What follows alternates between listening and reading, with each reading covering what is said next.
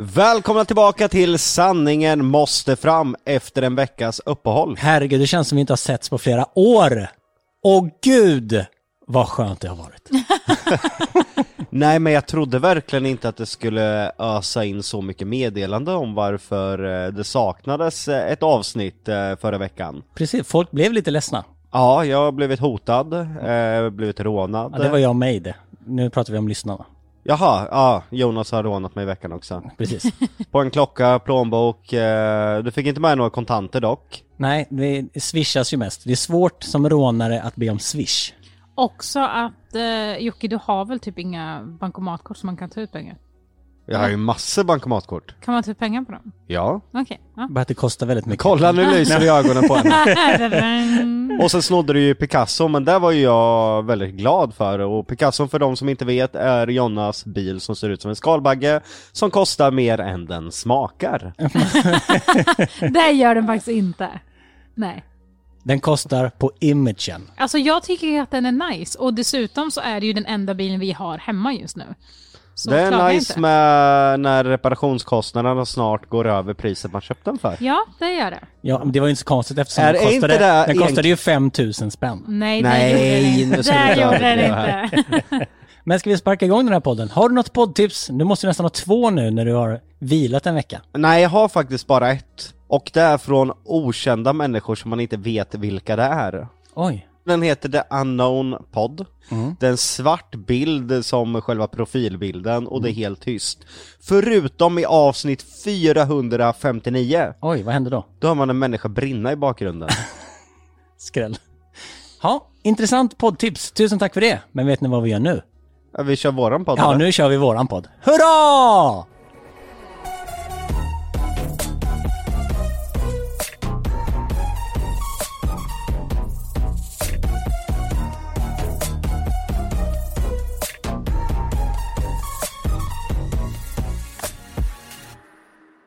Sist vi poddade så sa vi ju att vi skulle dyka ner i Bibeln i kommande avsnitt. Jag har lite bibelgrejer, men det tänker jag att vi tar i nästa avsnitt, för nu vill jag veta vad det är som har hänt den här veckan. För vi, det har ju hänt väldigt, väldigt mycket. Ja. Ska vi börja med anledningen till att vi ställde in podden? På grund av sjukdom var det ju. Vem var det som var sjuk? ja, det var jag. I huvudet. Men Jonna har ju också varit väldigt sjuk. Inte så sjuk. Inte så. jag, jag skulle nog vilja hävda att Jonna har haft det värst den senaste tiden. Ja, det, det är Jonna som har varit sjuk. Men har du blivit sjuk på grund av att Jonna har varit sjuk? Ja, det skulle jag nog fan vilja säga alltså. Ja, men nu handlar inte allt om dig, så nu börjar vi med Jonna.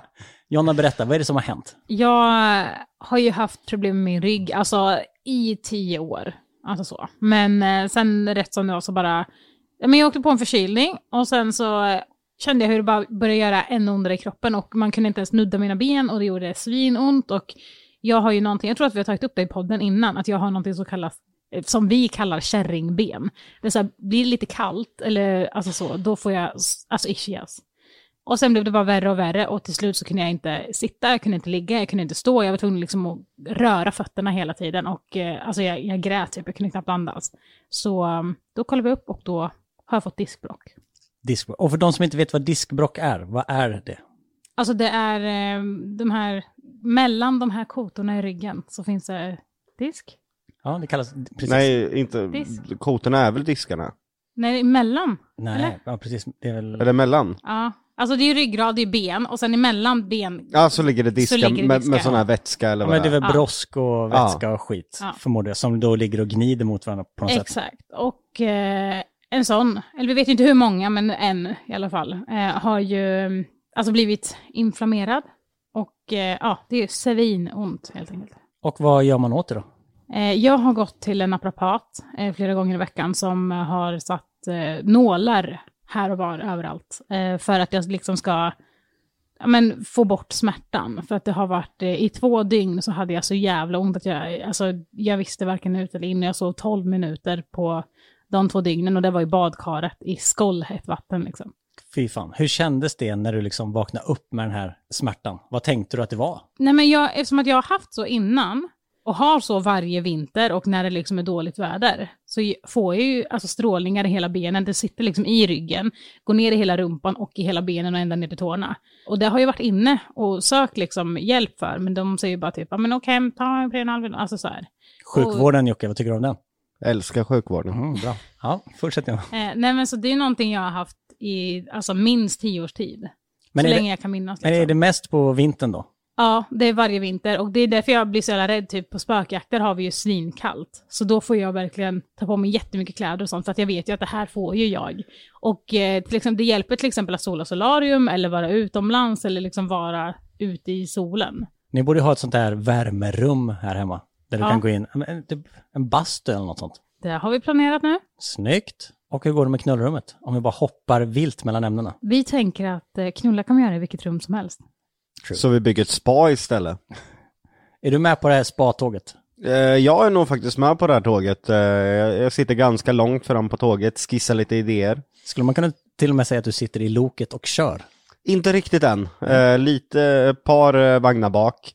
Men med ett skissblock. Jag har, inte, jag har inte släppt helt eh, Jonna fri och får göra spat, men jag skissar lite vad man skulle kunna göra. Okej, topp tre grejer man måste ha i ett spa då? Eh, en värmestol, Ja. alltså 100 procent. Eh, ett eh, bubbelbad, Mm. en tv. En tv. Ja, topp tre Jocke-grejer man måste ha i ett spa. En bastu. Mm. Du gillar inte ens basta? Nej, men man måste ha, nu var det inte vad, Okej, vad, vad, vad jag vill ha, vad man måste ha. Eh, ett bubbelbad. Och en minikyl med cola. Det hade varit gött, men det är inget man måste ha. Nej, okej. Mm, bra ventilation. Bra ventilation. Vadå, så att det inte blir så fuktigt? Du, du frågar vad man måste ha. Ja, och man måste då- ha en bra ventilation Ja, om man ska man göra ett ha spa. Våtrums... Eh, restriktioner måste man följa sånt också då, om du ska prata bygg. Restriktion. Ja, men inte fan vet jag, jag har väl aldrig byggt Ja. ett våtrum. Men det, det är ju som att man säger så här, Ja, man behöver våtrumsskydd. Ja, det var det jag menade. bara, om vi ska bygga ett spa här, vad hade du absolut velat ha? Jocke bara, åh, en bra ventilation. Åh, Jo, man man behöver, måste man ha- behöver väggar, sen behöver man golv, sen behöver man tak. Vi var på eh, ett litet spa förra helgen. Och då gick jag och kollade ventilationen där. Jag har ju blivit helt byggskadad. och sedan så tände jag upp för att se alla dåliga skarvar. Vad man kunde förbättra. Så jag fick lite idéer därifrån. Men, men just det här härliga med spa är ju att många företag kan komma undan med att bygga skitdåligt egentligen. För att det är så jävla lummig belysning. Det är först när du tänder upp och bara, åh helvete vad dåligt skarvat. Men är det inte lite så här nattklubbsgrej också? Nattklubbar kan se ut hur fan som helst egentligen. Och sen när man tänder upp det, så då är det fan skitfult överallt. Det är så jävla sant. Ja, det är skabbigt och fult och äckligt är det ju. Jag eh, håller ju på med musik, eh, så just nu så jag ju inte så mycket längre utan jag satsar mer på film och tv, men om vi backar några år tillbaka så hade jag en turné när jag nästan var ute varje helg på nattklubbar och spelade. Så jag har ju sett när man tänder upp och det var, det var verkligen Ja, det Ingen- berörde mig ända in i hjärtat när du sa det där, för jag känner igen det så väl när man tänder upp och ser hur skabbigt det är egentligen. Om man får den här ångesten, även om man inte är full, om man av någon anledning är kvar på en klubb när den tänds upp, då får man ju ångest. Ja, när man ser alla de här kladdiga golven. och, Ah. Åh, fy fan. Okej, men tillbaka till eh, diskbrocket. Hur har det här påverkat familjen Lundell?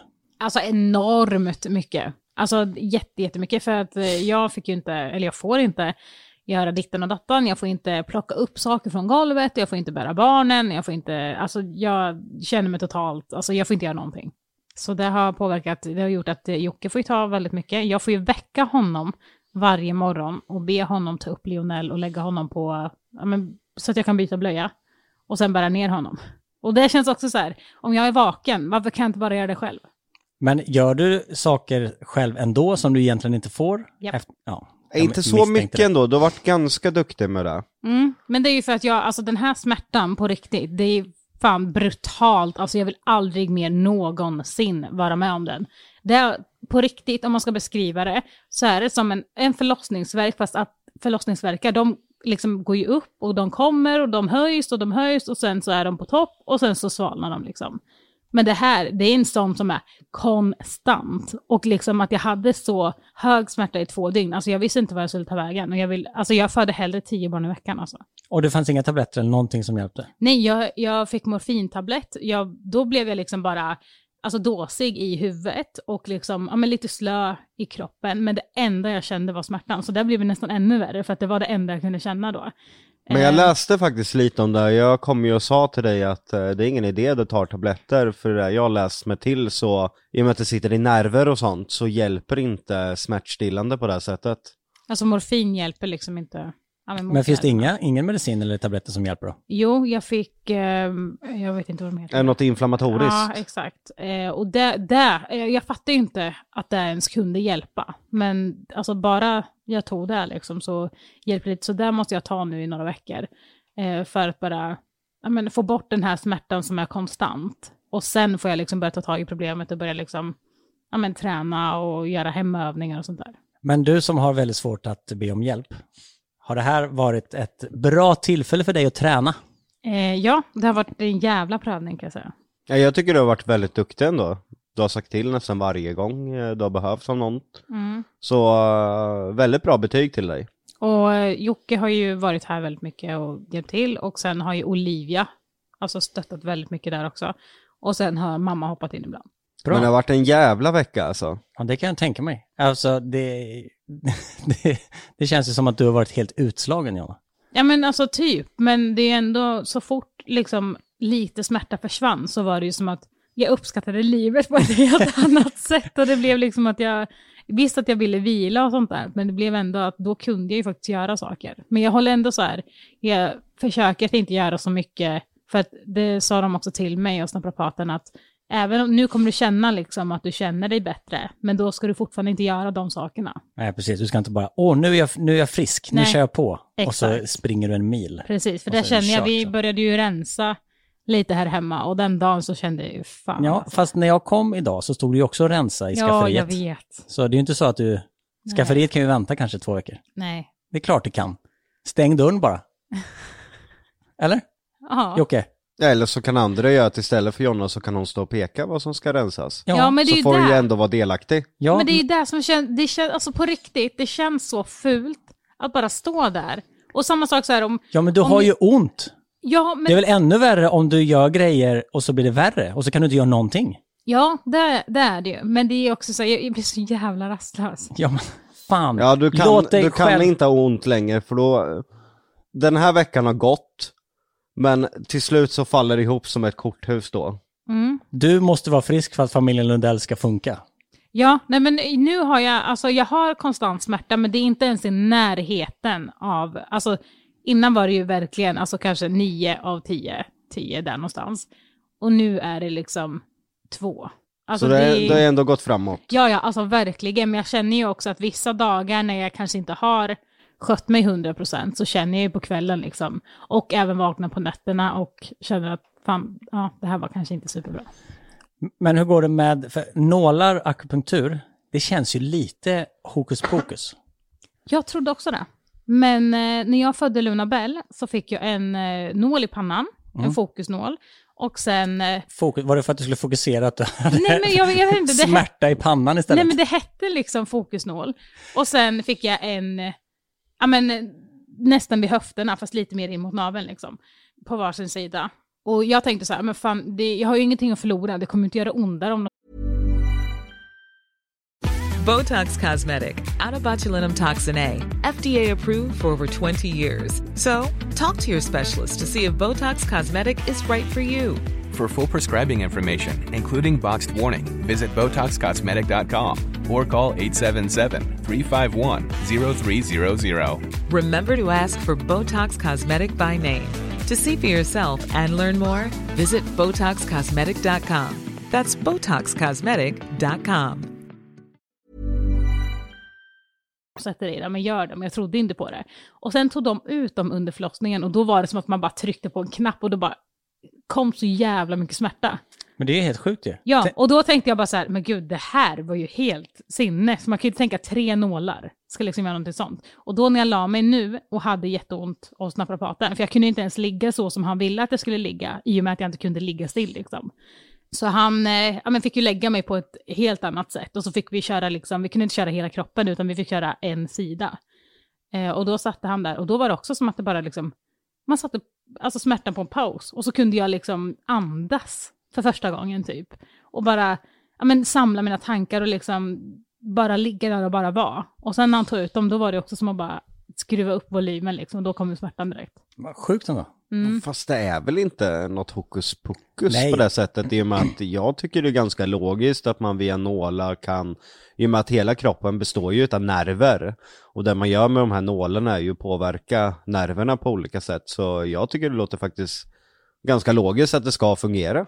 Ja, men det känns ju bara... Man undrar ju hur de kom på det back Ja, in the days. Jag förmodar att det är väl en kinesisk eller japansk lära från början. Säkert. Du har väl sett den här bilden på den sönderstuckna människan? Vilken det- Ja, han som har eh, ungefär 10 000 nålstick på huden. ja, det var han de provade på. Så frå- så fråga honom hur de kom Hade fram han- till.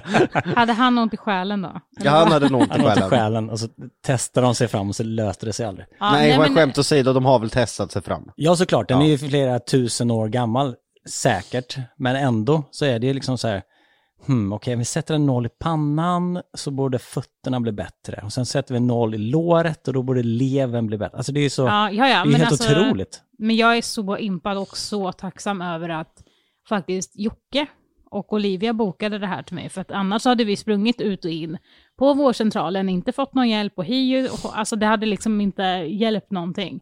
Men att liksom testa det här, och jag tror att eh, Jocke fick det från följarna till och med. Mm. Eh, så sökte jag på eh, den kliniken som hade bäst betyg. Tänkte, kosta vad det vill. Kostar vad det kostar vill. Ja, eh, sjukvården, vårdcentral. Ja, Ja. då kommer de få sitta där i tre timmar, komma in och sen kommer någon eh, skicka en remiss till en sjukgymnast som hör av sig efter tre veckor när eh, smärtan har gått över och hon har lidit sig igenom det här. Ja, för det är ju där också att när jag var inne för det här sist, då hade jag inte ens i närheten av så ont som jag har haft nu. Och då var jag på vårdcentralen och då sa ju de så här, ja men eh, du måste gå till en sjukgymnast. Jag bara, ja fast när jag har ont liksom så kan jag ju inte, alltså det går ju inte, jag måste liksom få bort smärtan först och sen ta tag i det. Men nu då så kommer du ju få massa eh, övningar då, Mm. förmodar jag, som du ska göra. Känns det som att, för jag vet ju själv av egen erfarenhet när man liksom haft ryggskott eller ont i nacken och så går man till en, eh, ja, går man till någon som säger så, gör de här tre övningarna hemma. Och så gör man det en dag och sen så bara, jag orkar inte. Skit i det. Mm. Men kommer du göra det? Eh, ja, det kommer jag. Ehm, I mitt huvud, och jag hoppas att det är så som alltså, kommer ske, jag gör ändå lite typ alltså, övningar när jag går upp liksom. Eh, och innan jag ska lägga mig och när jag kommer på det under dagen. Eh, men jag hoppas att eh, jag kommer göra det, alltså fortsätta med övningar och sen att det bara blir mer och mer och sen att det blir träning. Ehm, och sen ja, men verkligen fokusera på att, att ja, men lägga muskler i ryggen liksom. Och sen när jag har gjort det så kommer jag 100% göra en bröstförminskning. Ah, är det de som är framtunga menar du? Alltså dels det och att bära barn och hej och hå och eh, Lionel ja, har ju vägt väldigt mycket sen, sen start. Stabil kloss. Ja, eh, men och sen blir det liksom att eh, Luna Bell blir avundsjuk när man bär Lionel så då ska man helst bära båda två samtidigt och ja men så. Men nu börjar barnen bli större. Är det dags att sluta bära dem då? Ja, nu har jag verkligen alltså försökt att bara säga nej, men jag, jag kan liksom inte. Men då går de ju till någon annan. Men det får de göra just nu. Men eh, snart kommer ju typ, Lu- alltså Luna Bella är verkligen, hon är stor, men hon blir så avundsjuk så att antingen får Jocke bära båda barnen samtidigt eller så får Olivia. Så snart är det någon annan som har ryggproblem. ja. Hur mår du nu då? Jag mår okej. Alltså jag känner av det, men det är liksom ingenting jämfört mot innan. Så att eh, det funkar. Du tackar Gud varje dag för Ja, att det har blivit alltså- lite bättre. Ja, eller min naprapat. Okej, men det har ju hänt lite andra grejer också. Vi skulle åka till Italien och göra spökjakt. Men det ställdes in. Mm. På grund av eh, en jävla förkylning. Kan Mm. man säga det? Att tacka gud att det ställdes in hade vi åkt så hade vi inte kunnat genomföra för att båda barnen fick ju vattenkoppor precis strax efter. Och direkt efter, nästan i samband med den förkylningen så fick ju Jonna diskbråcket. Mm. Tänk om ni hade varit i Italien och diskbråcket hade kommit. Jag hade inte kommit hem då. Då hade du ju varit kvar i Italien. Ja. Men det kanske hade varit bra, för det är ju varmare där. Du hade bara kunnat gå, gått ut och lägga dig i solen. Ah, ah, 12 till 14 grader Jonas är inte sådär jättevarmt. Ja, det är ju varmare än här i alla fall. Men det, just där och då när resan ställdes in så kändes det ju piss ju. För det, eftersom vi skulle Ja. spela in två ställen i Italien Mm. Och vi hade två så jävla bra ställen. Men nu efterhand så är det ju verkligen, precis som du säger Jocke, vilken jävla blessing in disguise. Alltså det är ju 100% ödet. Det är det verkligen. Tror ni att det är Gud? Eftersom vi pratar om Gud för att han vill Nej, jag- visa att han finns. Jonas, jag vill inte höra om honom idag. Ja, Jocke har somnat. Åh jävlar. Vakna! Jag är svintrött. Berätta varför du är så jävla trött. Vad gör du på dagarna som är så jävla jobbigt? Alltså ibland vill man ju bara slå den där jäveln alltså. Jag skojar, jag provocerar lite. Berätta vad händer i ditt liv nu- just nu Jocke? Jonna har sitt diskbrock att deala med. Vad har du att deala med? Hon väcker mig så hjälper jag henne med barnen. Sen går jag in i timmes långa möten. Och efter det så följer jag med och hämtar barnen på förskolan. Och efter det så går jag in i ännu mer möten. Jag fixar allting med YouTube och alla videos. Vi har ett nytt företag som eh, vi måste ta tag i som det är hur mycket som helst att göra. I och med att influencerpanelen har blivit uppköpt, förvärvat av ett annat företag. Så jag sitter i sådana styrelsemöten halva dagarna. Jag har uppstart på långfilmen så jag sitter i sådana möten. Det, jag hade till och med så mycket att jag missade ett så extremt, eller inte missade, men jag kom in 20 minuter för sent i kanske ett av min, mitt livs viktigaste möten. Och jag är på att skämmas ihjäl. Vilket var det då? Och varför var du för sen? Eh, Jag kan inte säga vad det är för möte, men det har med långfilmen att göra. Ett otroligt viktigt möte med väldigt viktiga människor om man säger så. Du kan säga om det hade med finansiering eller casting? Eh, Eller... Finansiering. Okej. Pengarna ska in och du, du kom sent till det mötet. Ja, och det var jag som satt på själva presentationen utav det hela. Hur kändes det då? Eh, Jag höll på att skämmas ihjäl, eh, man, du vet när man känner lite på människor om det är okej och försvarbart. Mm. Men det var, jag hade precis hjälpt Jonna med barnen och sen ringde ett annat möte och sen ser jag ett meddelande från Stefan Hallgren att det här mötet har börjat och jag sitter i ett annat möte. Paniken. Ja, verkligen paniken. Nej, och sen har det hållit på till sena kvällar, inte blivit mycket sömn och sen har det gått runt sådär hela veckan. Men känner du att det är glädjefyllt för att det är så mycket kul eller känner du att det är mycket ångest och eh, jobbigt? Nej, det är super, super kul men eh, jag känner just nu hur humöret börjar, du vet när man drar lite. Det krävs inte mycket för att jag ska bli irriterad och då är ett tecken på att kroppen är trött. Nej, men jag har ju märkt det. Vanligtvis så, så har ju vi kontakt med flera gånger om dagen. Nu senaste tiden så har det ju inte varit supermycket. Det har varit lite envägskommunikation kan man säga. Jag har, jag har skrivit någonting och sen är det noll svar. Då vet jag ju så här, okej, nu har han svinmycket att göra, nu backar jag. Men vad tycker du är roligast just nu då? Är det företagsbyggandet eller är det film, filmtänkandet? Nej men det är väl allting i ett egentligen att, eh, att man är väldigt tacksam över att man har eh, de jobben man har och att man tycker det är väldigt kul. Men sen samtidigt eh, när det inte blir någon fritid överhuvudtaget så, ja men det tär på kroppen och sen till slut så börjar man bli små irriterad.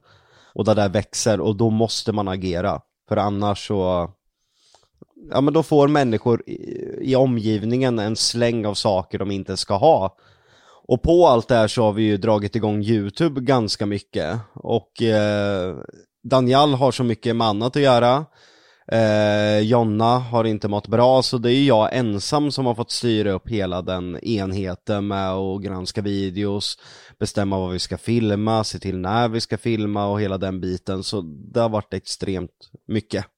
Men det är kul att det går bra också, att eh, Youtube-kanalen går bättre än någonsin. Det känns som vi har hittat våran grej där. Det känns väl att vi för första gången har landat i vilka vi vill vara och vilka vi är framför kameran. Och det är kul att tittarna ser det. Vi har ju haft eh, eh många år av sökande vilka människor vi är egentligen. Och hur vi identifierar oss. Och det känns som att vi har hittat oss själva i en harmoni. Och då påverkar det inte så mycket andra saker längre. Men hur gör ni då för att hitta tid för varandra och eh, den lilla fritid som ni har? Vad gör ni då? Eller har ni ens någon sån just nu, Jonna? För en vecka sedan så eh, hittade vi något så här privatspa i Norrköping som vi åkte till. Och då, eh, ja men det var väldigt eh, tacksamt och eh, väldigt skönt. Det, I och med att eh, jag behöver värme för ryggen liksom. Eh, och så passade vi väl på att hitta på någonting tillsammans. Filmade ni då och gjorde liksom förenade jobb med nytta? Nej. Eller ni bara Tog det helt privat. Sen brukar jag gå och lägga mig i sängen lite tidigare så att man ändå umgås och pratar. Så jag har ju ofrivilligt sett hela säsongen utav Bachelor. och eh, nu eh, Bachelorette. Så det blir väl att för att umgås med Jonna så följer jag hennes eh, program. Härligt! Vad tycker du om Bachelor och Bachelorette då, Jonna? Eh, jag tycker att eh, Bachelor, väldigt bra. Bachelorette har red, alltså precis börjat nu, så det tar lite tid innan man liksom kommer i, in i det typ. Och vad tycker du då rent tv-procentmässigt när du tittar på de programmen Jocke? Bachelor tycker jag är bra producerat. Eh, jag stör mig väl på vissa små grejer men jag förstår ju att eh, det inte har varit så varmt när de spelar in det så att de behöver vara inomhus i vissa rosceremonier.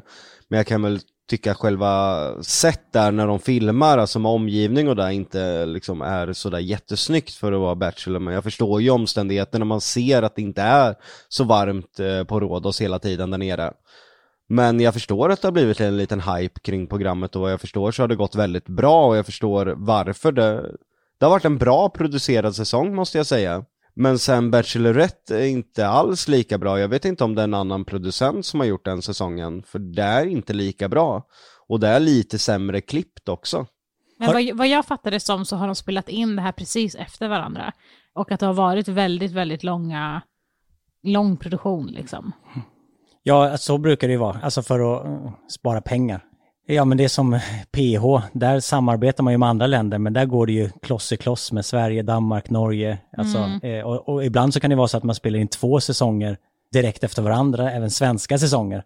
och det är klart exakt. att det påverkar teamet som är nere och allting, man blir ju helt slutkörd. Alltså skulle vi ha varit iväg på spökjakt i tre månader i rad, så man hade ju inte fattat någonting till slut. Men det är väl Warner som gör eh, både Bachelor och Bachelorette va? Ja, det är det. Ja, Men jag, jag gillar det, jag tycker att det är lättsamt och eh, Jocke älskar ju rosceremonier. Inte älskar, men tycker om dem. Ja, jag, jag, sen är det alltid kul när någonting berör eh, Sebastian ända in i hjärtat också. Men jag vet inte, jag har inte sett, Sebastian är en av eh, Bachelorna va? Där han blir väldigt... eh, Han blir berörd. Han blir Ja. berörd, ända in i hjärtat och väldigt, det är mycket hjärtan. Just det, de, de gjorde en parodi på det på Mumbo Jumbo. Sen har ju du varit med ganska mycket i Mumbo Jumbo och blivit paro- parodiserad. Men det känns som att du är alltid med. Alltså nästan, antingen varje avsnitt eller varannan. Ja, jag har ju fått en inbjudan nu också att uh, vara med. Ja, vad sa På du till det då? Ja, jag sa nej först, eh, kände att jag inte riktigt hade tid. Men de hörde av sig igen. Och eh, vi får se vart det landar. Men har du sett, du har sett klippen på dig och vad, vad tycker du om dem? Ja men de är ju, jag tar inte illa vid mig. Jag kan tycka det är lite kul.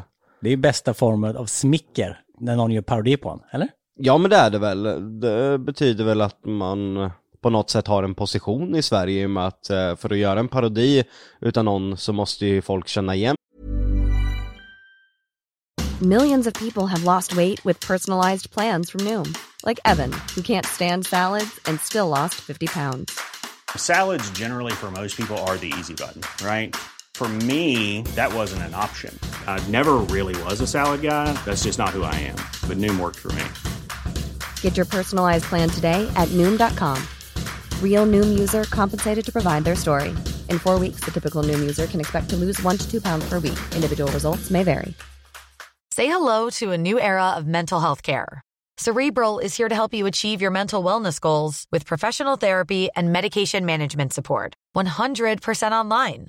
You'll experience the all new Cerebral Way, an innovative approach to mental wellness designed around you. You'll get a personalized treatment plan from a therapist, prescriber, or both in a safe and judgment free space. Your cerebral therapist or prescriber will outline a customized plan with clear milestones along the way so you can get to feeling your best. With Cerebral, you're not alone in your mental health journey. We're here to empower you to live a fulfilling life. So take that first step towards a brighter future and sign up today at cerebral.com slash podcast and use code ACAST to get 15% off your first month. Offer only valid on monthly plans. Other exclusions may apply. Offer ends July 31st, 2024. See site for details. personen i fråga. Och det här är ju ändå ett program som ligger eh, på primetime på fredagar mellan, mellan idolpausen va? Eh, ja. Nej, så det är väl kul, men det är väl inte riktigt min typ av humor. Jag kan tycka det är lite Stefan och Christer Buskis humor. Och lite gammaldags humor eh, över Mumbo Jumbo. Daniel Norberg är ju väldigt, duktig på det han gör. Han har en fruktansvärd talang. Men jag kan också tycka att det han gör är lite klämkäckt. Ja. Men jag tror att han gör det med flit. Det ska ju vara så. Ja, fast jag tycker, det finns nog väldigt många, inklusive jag, som, jag, jag tror inte Jonas heller tycker att den humorn är så rolig. Nej, Men kan- är det inte lite Hey Baberiba? Alltså Jo. fast nytt. Verkligen. Alltså mina barn tycker Mumbo Jumbo är jättekul. Mm. Och om vi inte har sett på Idol och missat det av någon anledning så kollar vi alltid på Play. Jag har nog inte skrattat en enda gång. För jag tycker, tycker precis att du, det är liksom så här, ja, jag, jag, jag ler ju lite när parodierna på dig kommer. Bara för att jag tycker det är kul att du blir, att de gör en parodi på dig. Eh, Ja, men det blir lite såhär, Hej alla barn, nu ska vi leka! Det, ja, det, det ja, är lite li- det. Lite, men det, jag håller med, lite Stefan och Christer, slå i dörrar, lite sådär klämkäckt, lite, ja. Speciellt när eh, Daniel Norberg ska vara, vad heter han, Stefan Löfven. Då blir det väldigt mycket så här. Nej, jag håller med. Ja, Vi får se om jag dyker upp i Mumbo Jumbo någon det gång. hade varit kul. Och på söndag så kommer du ju faktiskt vara med i Helenius hörna också. Mm. Så det var skittråkigt faktiskt. Det var så jävla dålig producent. Fy fan. Nej, skämt åsido, det är faktiskt Jonas som eh, producerar eh, Lenius hörna den här säsongen. Ja. Och eh, jag har ju gjort så många intervjuer så jag, för mig är det ju bara en intervju. Men Jonas och TV4-gruppen och alla där säger ju att det är ett av de bästa avsnitten på Elenius hörna. Ja, alltså jag längtar så mycket. Men jag har så svårt att ta åt mig av det där så jag får väl se när jag jag vill inte se någon förklippning den här gången utan jag vill nog se det ihop med svenska folket när vi tittar för att eh, jag har sett så mycket saker innan. Jag är så trött på det i och med att eh, vi producerar så mycket program tillsammans och då ser man ju alltid allting innan alla andra så jag vill faktiskt inte göra det den här gången. Och vanligtvis så ser man det så många gånger. Alltså när ett spökjaktsprogram kommer eller en hide and seek kommer så har man ju vanligt, då kanske man har sett det fyra, fem, sex gånger. Så ibland är det sådär, till slut vet man ju inte ens om det är bra längre. För man Lo- är så trött på det själv. Loftus Hall har jag nog sett 25 gånger. Ja. Det var den första spökjakten vi gjorde och eh, det första programmet. Och då för att sätta formen så var det ju väldigt mycket jobb att det skulle kännas rätt. Jag tror till och med att jag såg den typ fem eller sex gånger. Ja. Och sen har jag tvingat på alla som kommit på besök och se den också Ja, för att eh, skri skriva ner eh, lite Feedback. feedback från utomstående. Ja, jag kommer ihåg det när du bara säger, ja, fast nu har min kompis, kompis, systers mammas bror sett det också och han tycker faktiskt så här. Man bara, men gud, vi kan ju inte ta in feedback från varenda jävla kreti och pleti som råkar gå igenom Lundellhuset. Ja men jag är glad att vi gjorde det ändå, det landade i något väldigt bra. Det blev väldigt bra. Och apropå spökjakt så ska vi faktiskt åka snart igen och då drar vi till Frankrike, Till ett chateau. till Chateau. Och Nej, då, till ett chateau. Jag sa ju det, till ett chateau. Nej, till chateau sa du. Till ett Nej. chateau. Vad är det? Chateau Det är väl slott, på, eh, på franska. Jag gillar inte slott. Men Det här är ett riktigt coolt slott. Ett jättebra slott. Det ser ut som något taget från, eh, inte en skräckfilm på det här sättet, utan en klassisk spökfilm. Det ser otroligt läskigt ut och eh, har en väldigt eh, cool historia, så jag tror väldigt mycket på det här stället. Och det är ett av mina favoritställen den här säsongen ihop med ett ställe i Polen vi ska till längre fram. Och hoja. Ja men där har vi ju varit. Ja, jag vet, men det måste man väl ändå nämna i sammanhanget om Ja, vi pratar det- favoritställen. Ja, ja, absolut. Men Jonna, känner du att det är lite läskigt att åka utomlands nu när du har ont? Eller känner du att det ska bli skönt att slippa ansvaret hemma och förhoppningsvis komma ner till ett lite varmare land? Alltså jag är så redo, jag vill åka helst idag alltså. jag är så jävla trött på att vara hemma nu. För du ville ju, den resan som ställdes in till Italien, det, även om du inte kunde resa så ville du ju väldigt Ja. gärna. När jag pratade med Jocke om att ställa in allting så hörde man ju dig i bakgrunden och så bara Fast jag vill åka! Ja, nej men alltså så är det ju att är jag sjuk hemma så är det ju, jag har ju fortfarande hand om barnen. Och är de och jag sjuka så blir det ju jättepåfrestande, så ibland är det skönt att vara sjuk någon annanstans. För att liksom, ja men lämna ansvaret för barnen liksom någon annanstans och sen att vara hemma, eller i, i något annat hus, vart som helst utan barnen och bara liksom få göra vad som helst. Bli frisk, jobba. Bli frisk och jobba. Ja. Nu hör man barnen skrika. Mm. För var är vi någonstans? Vi är i Lundell. Huset? Just det. Jag, jag, har, ni jag har inte sagt villan på flera månader nu känns det som. Nej. Ja, det är jävligt tur för dig. Ja. Annars har du förmodligen inte suttit där du sitter just nu. Nej men ett litet, ett litet hot måste man ju få smyga Ja, in. Lite, nu är vi ändå tillbaka till någon slags aggressionsproblem. Ja. Då vet man ju att då har han vaknat i alla fall. Men hur har barnen varit senaste tiden då? Det har varit lite otur med dem också. Ja, alltså de har ju också varit sjuka. De åker på förkylning efter förkylning och sen har det varit vattkoppor och så Lionel, alltså han är otrolig. Alltså han har 15 blåmärken i hela ansiktet och spräckt ögat eller ögonbrynet, ja men eh, någonting. Skallar saker, går in i väggar, får blöjeksem, Bajsa blod. bajsar blod, alltså det är konstant någonting hela tiden och allt på en och samma gång. Han är lite som den här fisken Doris i Hitta Nemo. Var det inget, inget eh, korttidsminne? Ja, ungefär. Han, eh, man säger åt honom att inte göra en viss sak eh, och sen får han ont och sen gör han det igen. Men det, det kanske är någonting som kommer från mig. För en av de eh, historier från min barndom eh, när jag var så pass liten att- att jag inte minns utan man, när man får eh, det återberättat. Det är ju från min mamma angående min obsession vid humlor. Eh, hur jag om och om igen petade på humlor och brände mig. Trots att mamma då sa åt mig att eh, ajabaja. Så varje gång jag såg en humla så gav jag inte fan i den utan petade på den, började gråta och blev bränd. Så Lionel kanske går i mina fotspår där. Han ärvde din intelligens. Ja, kanske lite så. Och Luna Bell är ju i världens, alltså trots, alltså jag trodde att när hon var typ två och ett halvt eller två där någonstans, så trodde jag att eh, okej, treårstrotsen har kommit tidigt, för då var det brutalt. Men nu är det alltså, jag klarar inte av båda barnen, det går inte. Jag tycker det är lite kul ändå med hennes trots för då sätts föräldraskapet på prov. Och då får man se om eh, menar, allt prat gör nytta. Ja, så är det ju, men sen har du ont så har du inte jätte, alltså jättelång stubin liksom, så det blir ju, Nej, jag förstår att du och jag ser väldigt olika på det där. eh, Vad gör du då liksom? pratar, ögonkontakt, tittar på varann.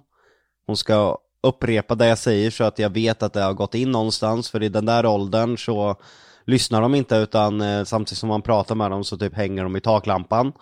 Så det är viktigt att vi sitter och tittar på varann. Informationen ska gå in. Sen är det bara att jobba in det där hela tiden. Känner- Jobba mycket med känslor också, att hon förstår sina känslor, förstår varför hon känner saker. Så det är varje dag jobb med det där. Jag känner ändå att det går framåt. Jag känner att hon är en väldigt förstående och intelligent liten tjej. ja alltså grejen är att hon fattar ju att hon gör fel, men hon gör det ju fortfarande. Hon kan stå på riktigt och bara skrika och bara “Jag ska ha en pepparkaka annars kastar jag saker!” Och sen så börjar hon kasta saker och så springer hon fram till Lionel och bara puttar honom och sparkar honom. Alltså, ah, Hon gör det aldrig när jag ser. Jag har aldrig sett henne kasta någonting. Nej hon gör det konstant, hela tiden. Vad gör du åt, åt det då? Nej men alltså, i början så liksom blev jag ju arg och sådär, men nu, alltså, nu är jag bara så här, vet du vad, kasta vad du vill, men jag hoppas att du går sönder då så att du lär dig någonting. Den nivån är Bara, det verkligen. bara du kastar dina prylar? Ja, men typ. Och inte liksom göra någonting med Lionel. Men det har verkligen gått så långt. Jag bara, nu går du in på ditt rum. Och då gick hon in på sitt rum och så la hon sig i sin säng och stod en bok och så läste hon bok. Nej? Jo. Fan vad gulligt. Det var fan jättegulligt. Jag kollade i kameran. Hon bara hoppade upp och så bara la hon sådär. Och då gick jag in efter ett tag för att jag såg ju henne där. Eh, Jag satt och kollade i kameran hela tiden. Så gick jag in och bara, nu ska vi inte läsa en bok tillsammans och så här. Eh, och hon, nej mamma, du och Giggo kan gå ut. Så då vill hon vara själv. Ja, det är väl fint. Hon Ja. behövde lite tid för att kontemplera. Och snart börjar ju utvecklingen med Lionel också. Nu börjar han komma in i den åldern då det är väldigt viktigt att eh, prata, hjälpa honom med utvecklingen och eh, man kommer ju få lära känna honom på ett helt annat sätt kommande månader nu. Man märker redan nu att han börjar skapa sig sin egen personlighet. Hur är han jämförelsevis mot hur Luna Bell var i den åldern då? Vildare, Ja. eh, mer energi, men gladare också. Han är ju ett väldigt ledset barn för han slår ju sig hela tiden. Men emellan det så är han väldigt glad. Det, Han är väldigt flörtig och charmig liksom. väldigt charmig. Men skulle ni säga att ni ser skillnad på Luna Bell som tjej och Lionel som kille? Känner ni att ni behandlar dem olika för att det är en kille och en tjej? Nej, absolut inte. Sen om det beror på könet, att det är en skillnad mellan dem, eller om det är personligheten. Jag tror att det är väldigt tidigt att säga. Då vi inte inriktar oss på intressen som ska vara könsbestämda. till exempel att Luna Bell bara ska leka med dockor och använda rosa, även om rosa är hennes favoritfärg, men det är ju hennes eget val. Precis, och det är exakt samma, för vi har ju också en, en dotter och en son. Och vi är ju verkligen sådär, vi är ju liksom inga, så här, tjejer ska ha rosa, killar ska ha grönt eller blått, eller killar ska leka med bilar. Jag är ju noll bilintresserad liksom. Men ändå så har det blivit så. Och jag vet inte om det är yttre påverkan, eller om det är liksom någon slags undermedveten för att man själv liksom, eh, ja, är uppväxt på det sättet. Men det har alltid varit så att min dotter har dragit sig till rosa och liksom typiska då tjejgrejer som dockor och liksom hon vill ha dockhus och allt sånt Men där. har inte din son varit inne på det någonting? Ja, inte alls, För de brukar inte ju ha en liten touch, alltså att det finns någon Ja, nej, men det är liten- klart att han ibland har velat vara med min eh, dotter och liksom leka med dockor. Men sen är det Mm. alltid bilar, fotboll, Fotboll, ja. skjutvapen, eller inte skjutvapen, men sådana där nerf, nerf guns där han liksom Oj. skjuter ner gubbar. Skjutvapen. Ja, nerf. Aj, aj. Ja, nej, Ja, men, och, det, och det är verkligen så himla tydligt att det är pojksaker och flicksaker. Och, men vi, och, men vi, vi har ju aldrig pushat honom till bara, åh, ska du inte köpa den där? Utan verkligen varit sådär. Men, eh, för han har velat ha klänning någon gång. Bara, Jättekul, vi åker och köper en klänning. Och så kanske man har köpt en klänning till honom, men sen har han liksom aldrig använt den. Men vi har försökt vara väldigt öppna mot vad de har velat ha. Och inte varit sådär könsindelande, men ändå så är det så att de har dragit sig till det. men jag tror att det är att de dras ju till det de gillar, men också till det som deras vänner liksom håller på med. Min bror till exempel, han eh, umgicks mest med, med tjejer när han var liten. Och det gjorde ju att han gärna klädde ut sig i klänning och allt sånt där. För att det var liksom det, de hade det intresset tillsammans. Jag tror att det har mycket med det att göra också. Luna Bell sa faktiskt i bilen igår, vi åkte på kalas. Och så hade hon ett par glitterstrumpbyxor på sig.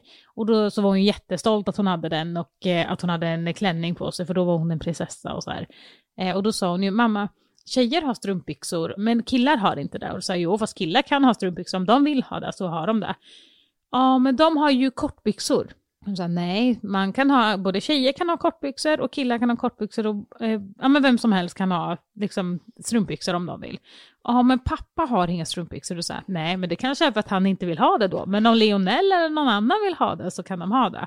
Vad sjukt, för jag Ja. pratade om exakt samma sak med henne för bara några dagar sedan också, bara att det inte gällde strumpbyxor. Mm. Jag kommer inte ihåg vad det gällde, men det gällde något annat plagg. Och jag vet inte om det kommer från förskolan, Nej, för eller vart det kommer ifrån. Förskolan är till och med jättenoga att man inte ska säga tjejer och killar. Så där tror jag inte att det kommer ifrån, utan jag tror att det kommer från ja, men barnen från förskolan i så fall. Men inte liksom, för pedagogerna är jättenoga med att det inte, det finns ingenting som är liksom eh, pojke eller flicka eller sådär, utan alla leker frisör och har hårspännen och tofsar och liksom allt sånt där. Och alla gör det här och eh, ja, Det tycker jag är jättebra, jag tycker Mm. det främjar mer den riktiga personligheten att komma fram. Mm. Istället för att de sätts i olika fack med färger, vad de ska leka med, vad de vill bli när de blir stora. Ja, ja, det delas ju inte alls in så här tjejerna och killarna, så som det faktiskt vore, eller gjorde när vi var mindre. Precis, Då var det på, vår, liksom... på vår tid. Ja, ja, men exakt. Då var det väldigt mycket så här, men killarna ställer sig där och tjejerna ställer sig där och nu ska vi dansa och då ska det vara tjej och kille och ja, men allt sånt där. Även om Luna Bell gillar eh, prinsessor och Elsa och Anna, Frozen och att eh, ha på sig klänning så tycker jag ändå hon är väldigt öppen för många intressen. Hon älskar ju bilar, Mm. Bollar, fotboll. ja, bollar och fotboll. Och eh, vi åkte och handlade häromdagen eh, i fredags, eh, skulle åka och handla tacos och göra lite mys. Så åker vi bilen och då säger hon pappa jag saknar din sportbil. Värmde det i hjärtat? Ja, det värmde väldigt mycket. Och sen, jag kommer inte ihåg vad hon sa exakt, men hon eh, sa att det var väldigt mysigt för att man kunde åka iväg ensamma hon och jag då, för att det finns ju bara två platser i den. Ja, hon hade liksom kombinerat det som det var pappa och Luna Bell-tid då med sportbilen. Det är jättefint ju. Det tror jag verkligen att hon gör. Och det där värmde ju hjärtat och då sa jag, vet du det, att hon var helt fantastisk. Och då säger hon, pappa du är också tastisk. Så det var, jag kommer ihåg att jag kom hem till Jonna och berättade att det var en av de mysigaste bilturerna jag haft med Luna Bell då faktiskt. Var det, var, åkte ni i Picasson då? Vi åkte till Picasson. Ja, och det kändes inte lika härligt som en sportbil. Nej, eh, men hon sa också att det var ingen eh, dålig bil. Hon gillar ändå hon- mammas bil. Ja, hon sa igår när jag tog ut henne ur bilen så, efter kalaset då, så sa hon Mamma, jag tycker om den här bilen, sa hon. Ja men det gör hon Det faktiskt, även om sportbilen är eh, favoriten. Det är favorit. Men Ja. jag tror att det är det här, hade hon åkt sportbil hela tiden så hade hon inte tyckt att det var kul, utan det är det här att det, det är lite lyxigt, och lite, någon gång ibland det är lite pirrigt. Men hon sa faktiskt i bilen igår, mamma, vet du att pappa älskar mig jättemycket faktiskt? Hon går och berättar att jag har räddat henne nu också hela tiden. Räddat henne från vad? Eh, när vi var handlade då så blåste bildörren, det blåste storm i helgen. Blåste ju som bara fan alltså. Och då blåste bildörren igen emot henne men då fick jag handen som slå till min arm istället. Ah, okej. Så nu säger hon att jag har räddat henne. Ja, pappa är hjälten. Fint ju. Ja, jag tyckte det var jättegulligt när hon sa det, så kom hon hem och berättade för Jonna. Känner du nu när Lionel blir lite äldre att du kan alltså, göra mer saker med honom för nu börjar han bli mer medveten liksom? Ja, det är så jäkla kul. Det har jag sagt till Jonna, vi har pratat om det här på kvällen, att nu börjar det på riktigt. Den mest fantastiska tiden när man får lära känna honom, kan göra saker med honom. Och han har ju varit väldigt vild, så man har ju inte liksom kunnat mysa honom i stort sett någonting. Och nu börjar man få en 10 sekunder här och var. Och de tar man ju verkligen tillvara på. Han är ju väldigt så här, så fort han ser någon han tycker om så vill han ju springa fram och kramas. Och då måste man liksom bara så här, okej, nu, nu, nu kramas nu kramas. Alltså han blir lite pirrig då liksom, men sen så vill han ju bara springa iväg och hämta någonting att slå med typ. Nej, man fick ju, kommer du ihåg när jag kramade i hans rum häromdagen? Då fick man ju verkligen så här känsla i magen. Det pirrade nästan så här till. Det är inte ofta, Luna Bell var väldigt kramig när hon var liten. Hon kunde ligga och somna på magen, ligga och mysa, men han är väldigt aktiv. Så man får bara några sekunder, sen är han iväg till något helt annat. Han har ju knappt ens varit i våran säng någonsin sen han liksom fick ett eget rum. Och han eh, alltså, kan ju inte ens sitta i en soffa, för han sitter ju inte still, han ramlar ju ner och han är överallt. Så det är liksom, vi får ju spänna fast honom i matstolen om han ska sitta ner, annars så får han ju sitta på golvet liksom. Men tänker ni att eh, han eventuellt kan ha en diagnos? Nej, jag tänker väl inte så mycket Nej, jag tror mer i så fall att det är Luna Bell som har en diagnos. Eh, hon har lite så här, fast det kan ju också vara bara för att hon är barn. Men hon Mycket har, kontrollbehov, eh, saker måste vara på ett visst sätt. de ska ligga på sina ställen. Hon ser, skill- alltså hon ser förändringar jätte, jättemycket.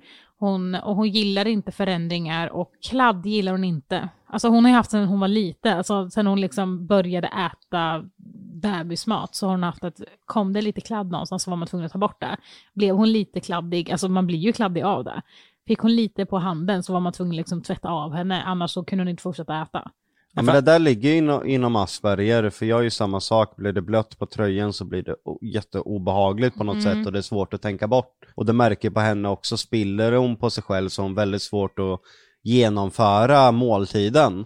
Och det är ju väldigt ovanligt för att barn brukar gilla att kladda. Ja, de är ju kladdiga hela tiden. Jag skiter i det där, men hon är helt tvärtom. Nej, men för anledningen till att fråga är ju för att du fick ju din diagnos väldigt, väldigt sent. Om du hade fått det tidigare i livet, känner du att det hade hjälpt dig då på ett annat sätt att förstå det själv? Och tänker ni samma sak med era barn, att om ni misstänker någonting, är det bättre då att få ett svar på det? Eller jag fattar att det är skitsamma, men bara så att man vet och kan förhålla sig till det.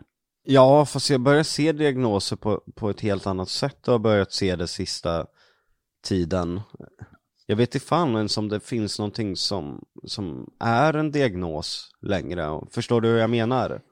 Ja, alltså jag fattar att, du, att, att, det, liksom- att det inte spelar någon roll såklart. Men jag menar, har inte det hjälpt dig menar du, när, när du fick de diagnoserna? Att, bara, att du ändå på något sätt i dig själv, i den tryggheten var sådär, jag tänker så här för att. Och det kan Nej. vara ganska skönt att veta det. För att jag var inne i en period i mitt liv då det inte hade hjälpt om jag fick veta det tidigare. Jag var så destruktiv. Ja, men det är ju du det. Ja, Bara för det behöver inte Luna Bell vara nej, destruktiv. nej, jag förstår hur du menar. Men det är också farligt för att man läser sig in ungefär som när du har symptom och sen googlar du där och sen är det det värsta tänkbara. Lite så är det ju, alltså, Du vill inte sätta en label på nej jag barn. vill inte sätta en etikett på det, att man är på ett visst sätt. Jag, jag tror väl det är bättre bara att utgå ifrån, alltså vi vet vad hon tycker är jobbigt. Vi vet eh, hennes svagheter och hjälpa henne att jobba med dem mer. Jag tänker väl så här att eh, hemma och eh, runt omkring våra familjer och så, så spelar det ingen roll. För att diagnos eller inte diagnos, vi utgår ju från personlighet och hur hon funkar. Så som man gör med alla, även folk som har diagnoser eller inte diagnoser. Men jag tror att det skulle underlätta jättemycket om man fick reda på en diagnos tidigt, till exempel i skolåldern. För att eh, där går de inte efter ja men det här funkar bäst för den här personen, Nej, om den precis. inte har en diagnos. Men har den en diagnos, då är det liksom så här, okej, ja men då kan du få de här resurserna. Ja, exakt. Kanske jag som har för höga tankar om skolan. Jag tänker att 2021 så utgår man ifrån olikheten mellan barnen för att ge... Det ska, Nej, du, det ska alltså, du nog inte göra. Nej, jag utan Ja, jag, Okej, då kanske jag bara har för höga förhoppningar. För mig, för mig känns det mer så här, okej du måste ha ett sjukintyg på att det här och det här och det här står för att du ska kunna få lyssna på en ljudbok istället för att läsa. Vadå, Alltså har så. inte skolan gått mer framåt? Jag Nej. trodde Nej, men du på får riktigt tänka dig, du får att tänka det var... att varje klass, som kanske är 30 elever, har ju en lärare. Om alla i klassen inte har specialbehov. Men så fort en elev av de 30 har specialbehov som gör att läraren måste in, hjälpa till där mer, det tar ju tid från de övriga 29.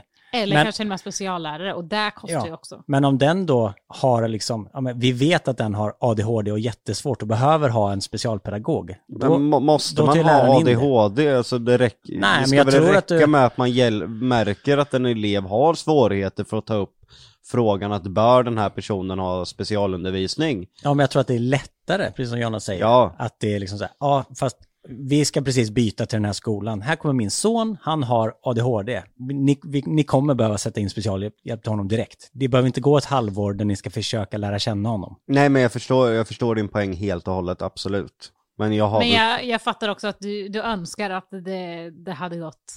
Nej men sen går, har det ju liksom gått lite inflation i att man ska sätta etikett på alla hela tiden. Och så fort någon har lite spring i benen så har den ADHD. Det har den ju såklart inte. Alltså, och det spelar ju som ingen roll.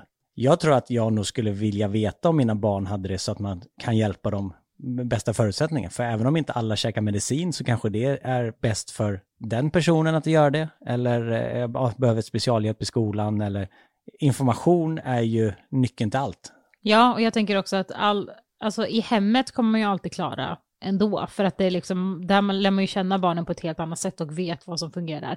Men jag tänker att det kan vara en fördel för alla andra sociala sammanhang och eh, utbildningar och skola, kanske ja, men veta med klasskamrater och allt sånt. För att där kanske, ja, men så att man inte går miste om två år för att barnet har börjat i en ny skola och den Nej, är precis, så och den ska- kanske reagerar så här. Ja, ja precis. Bara sådär, ah, Kalle han är ju svinjobbig, men det är ju bara för det här. Ja. men han har ju precis flyttat, eller föräldrarna har skilt sig, eller så här. Och så visar det sig att det har inte spelat någon roll, för han har den här diagnosen som han har behövt hjälp med hela tiden.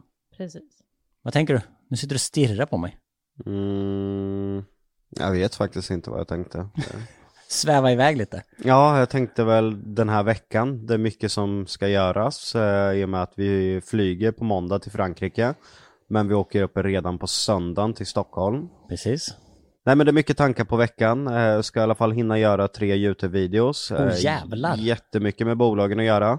Sen ska jag försöka hinna med min bror Kristoffer, att följa med honom ut och festa lite också. Oj, oj, oj. Ja. Klackarna i taket. Är det för något slags dåligt samvete för att du inte har träffat honom på länge? Eh, jag har väl tackat nej de senaste eh, typ 25 gångerna frågat om jag ska med ut. Inte för att jag inte vill, utan för att jag gör någonting annat då, eller är iväg, eller har något jobb. Och den här lördagen var väl första gången jag faktiskt har möjligheten att kunna följa med ut.